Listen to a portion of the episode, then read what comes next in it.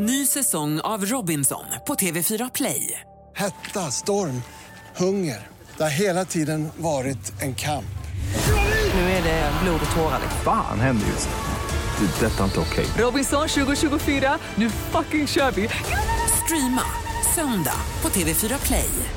Du lyssnar på en podcast från Expressen. Fler poddar hittar du på expressen.se podcast och på iTunes.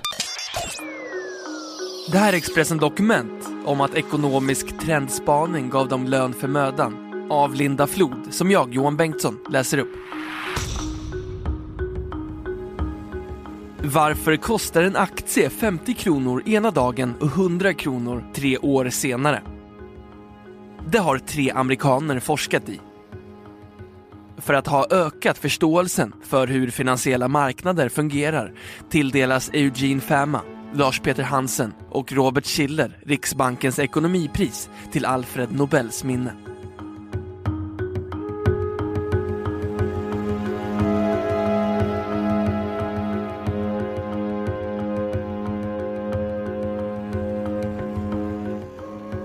På kort sikt är det omöjligt att säga om priset på aktier, fastigheter eller obligationer ska stiga. Men på längre sikt, 3 till 5 år, är det fullt möjligt att förutse dess upp och nedgång. Med motiveringen för deras empiriska analys av tillgångspriser tilldelas tre amerikaner årets ekonomipris. Eugene Fama, Lars Peter Hansen och Robert Schiller får priset för forskning om vad som styr priserna på tillgångar och att priserna även styrs av psykologiska faktorer, inte bara rationella överväganden. Vetenskapsakademin kallar det för citat trendspaning på finansmarknaden. Slutcitat. Och det var Eugene Fama som la grunden för de empiriska analyserna. I flera studier under 60-talet visade han tillsammans med andra forskare att aktiekurser är väldigt svåra att förutse på kort sikt och att ny information påverkar priserna så gott som omedelbart. Resultaten fick stort inflytande inom forskningen och påverkade även marknaderna i praktiken. Till exempel uppstod indexfonder efter Eugene Famas forskningsresultat.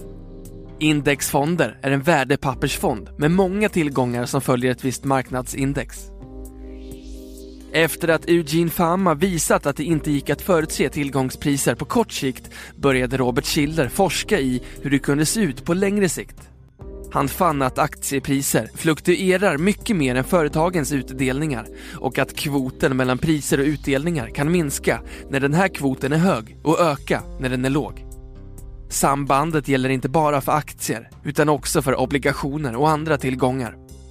Med andra ord pekade Robert Schiller på att om priset legat högt på tidigare års aktieutdelningar var det mest troligt att de skulle sjunka framöver och vice versa. Därefter utvecklade Lars Peter Hansen en statisk metod och visade tillsammans med andra forskare att utvidgade versioner av dessa teorier kan förklara tillgångspriserna till en viss del. Per Krusell, ordförande i ekonomipriskommittén, säger att valet av de tre amerikanerna glädjer honom. Det är väldigt kul. Det är ett mindre teoretiskt pris än vanligt, som de flesta kan förstå innebörden av. Framförallt visar det på hur omöjligt det är att slå börsen genom att tro att man kan hitta aktier eller branscher som går bra. Istället har det vuxit fram indexfonder för hushåll som vill investera i aktier utan att göra godtyckliga investeringar, säger han. Processen med att utse pristagarna har tagit lång tid, berättar Per Krusell. Det är alltid svårt att utse vinnare. Man måste göra ett väldigt bra förarbete. Själva beslutet tas av Kungliga Vetenskapsakademin, så vi måste presentera våra val för dem på ett bra sätt, säger han. Samtliga pristagare har länge funnits med i förhandsspekulationerna men när priskommittén igår ringde upp Robert Schiller förklarade han att utnämningen var väldigt oväntad. Min reaktion var att jag inte riktigt trodde på det här. Men jag är glad att vår forskning har blivit erkänd, sa Schiller med morgonröst från New Haven i Connecticut. Han berättade också inför den fullsatta salen på Kungliga Vetenskapsakademin i Stockholm att han hoppas att det satsas betydligt mer på forskning inom finans kommande årtionden. Robert Schiller har bland annat gjort sig känd för att ha varnat för bopriskraschen i USA. Redan 2005 var han ute och pratade om skenande fastighetspriser. Tre år senare var subprime-lånen på var mans läppar och efter Lehman Brothers krasch i september 2008 vet vi hur det gick med världens börser. På en fråga kring finanskrisens fortsatta grepp om väst konstaterade Robert Schiller igår att gjorda misstag har börjat korrigeras. Världen har gått igenom många kriser tidigare och vi har lärt oss av dem, säger han. Robert Schiller har även varnat för en bostadsbubbla i Sverige. I januari 2012 sa han så här i Sveriges Radio.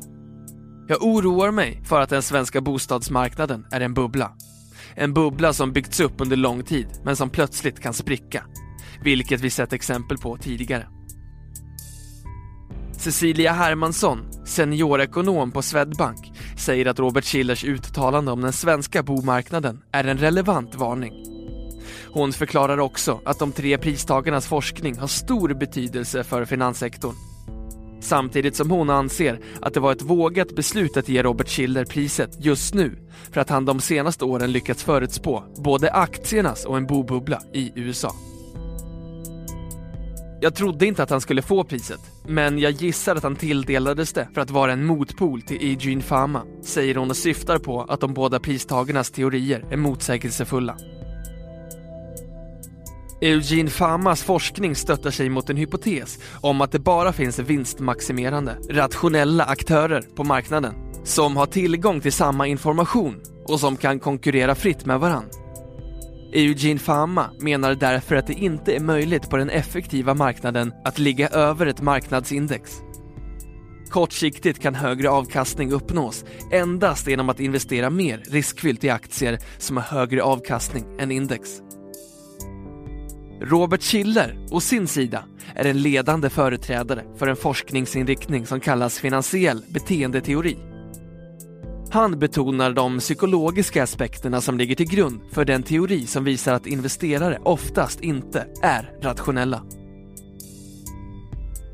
Tänk er därför ett börsgolv där det brusar av information. Aktieköpen klaras av på millisekunder. Börshajen har tidsbrist, är stressad och kanske har missat att äta frukost. Att hinna klara av en riskbedömning i det läget är inte det närmaste omöjligt, menar Robert Schiller, som har kommit fram till att när olika aktörer interagerar med varann kan vi inte alltid förvänta oss att marknaden är effektiv. Att förstå hur tillgångar kan bli felvärderade och när och varför finansiella marknader inte avspeglar tillgänglig information tillhör de mest angelägna uppgifterna för framtida forskning, skriver Kungliga Vetenskapsakademin i sin presentation av pristagarna. Eva Mörk, nationalekonom vid Uppsala universitet och en av ledamöterna i priskommittén, håller med. Deras upptäckter har lett till att finansekonomin har förändrats de teoretiska modellerna som man innan trodde fungerade visar sig inte fungera. På så sätt har det gett en energikick till det här forskningsområdet, säger hon. Ekonomipriset instiftades inte av Alfred Nobel utan skapades i samband med Riksbankens 300-årsjubileum 1968. Priset utses av Kungliga Vetenskapsakademin, men prissumman på 8 miljoner kronor doneras av Riksbanken. Priset har sedan det instiftades varit uppe för diskussion, där kritikerna menar att det är helt fel att ge pengar till forskning som inte gett något resultat. Bland annat menar vissa att ekonomipriset bidragit till att nationalekonomi blivit mer lik naturvetenskap i sitt arbetssätt och på så vis inriktat sig mer mot komplicerad matematisk metod, vilket gör att ekonomer kan missa erfarenheter från andra samhällsvetenskaper som historia och antropologi. Det är ett ensidigt pris där alla pristagare utgår från en enda teoribildning. Det finns många ekonomer som har ett annorlunda synsätt, men de räknas inte som nationalekonomer enligt priskommittén, säger Daniel Ankarlo, doktor i ekonomisk historia. Jag är också kritisk till hur lite pristagarnas forskning kan förklara ekonomins funktionssätt. Det är ungefär som att dela ut medicinpriset till någon som upptäckt att man inte kan förstå, förklara eller bota en sjukdom. I februari i år lämnades nomineringarna in från forskare världen över. Att valet återigen föll på manliga amerikanska ekonomer är en fråga som Eva Mörk är säker på att hon måste försvara under lång tid framöver. Endast en gång har en kvinna mottagit ekonomipriset. Elinor Ostrom, år 2009.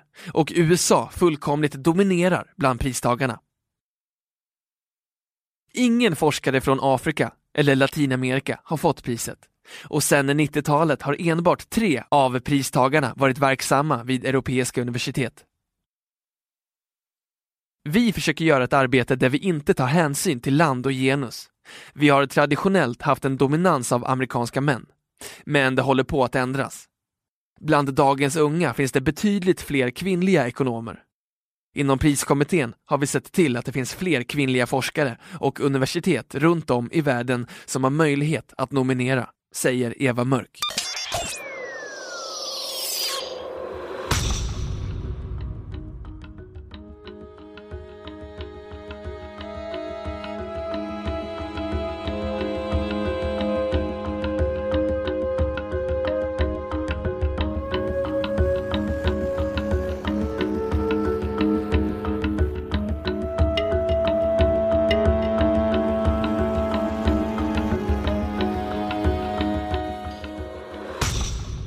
Du har lyssnat på en podcast från Expressen. Ansvarig utgivare är Thomas Mattsson. Fler poddar finns på Expressen.se och på iTunes. Ett poddtips från Podplay. I fallen jag aldrig glömmer djupdyker Hasse Aro i arbetet bakom några av Sveriges mest uppseendeväckande brottsutredningar.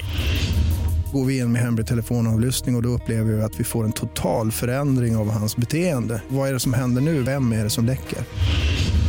Och så säger han att jag är kriminell, jag har varit kriminell i hela mitt liv men att mörda ett barn, där går min gräns. Nya säsongen av Fallen jag aldrig glömmer på Podplay.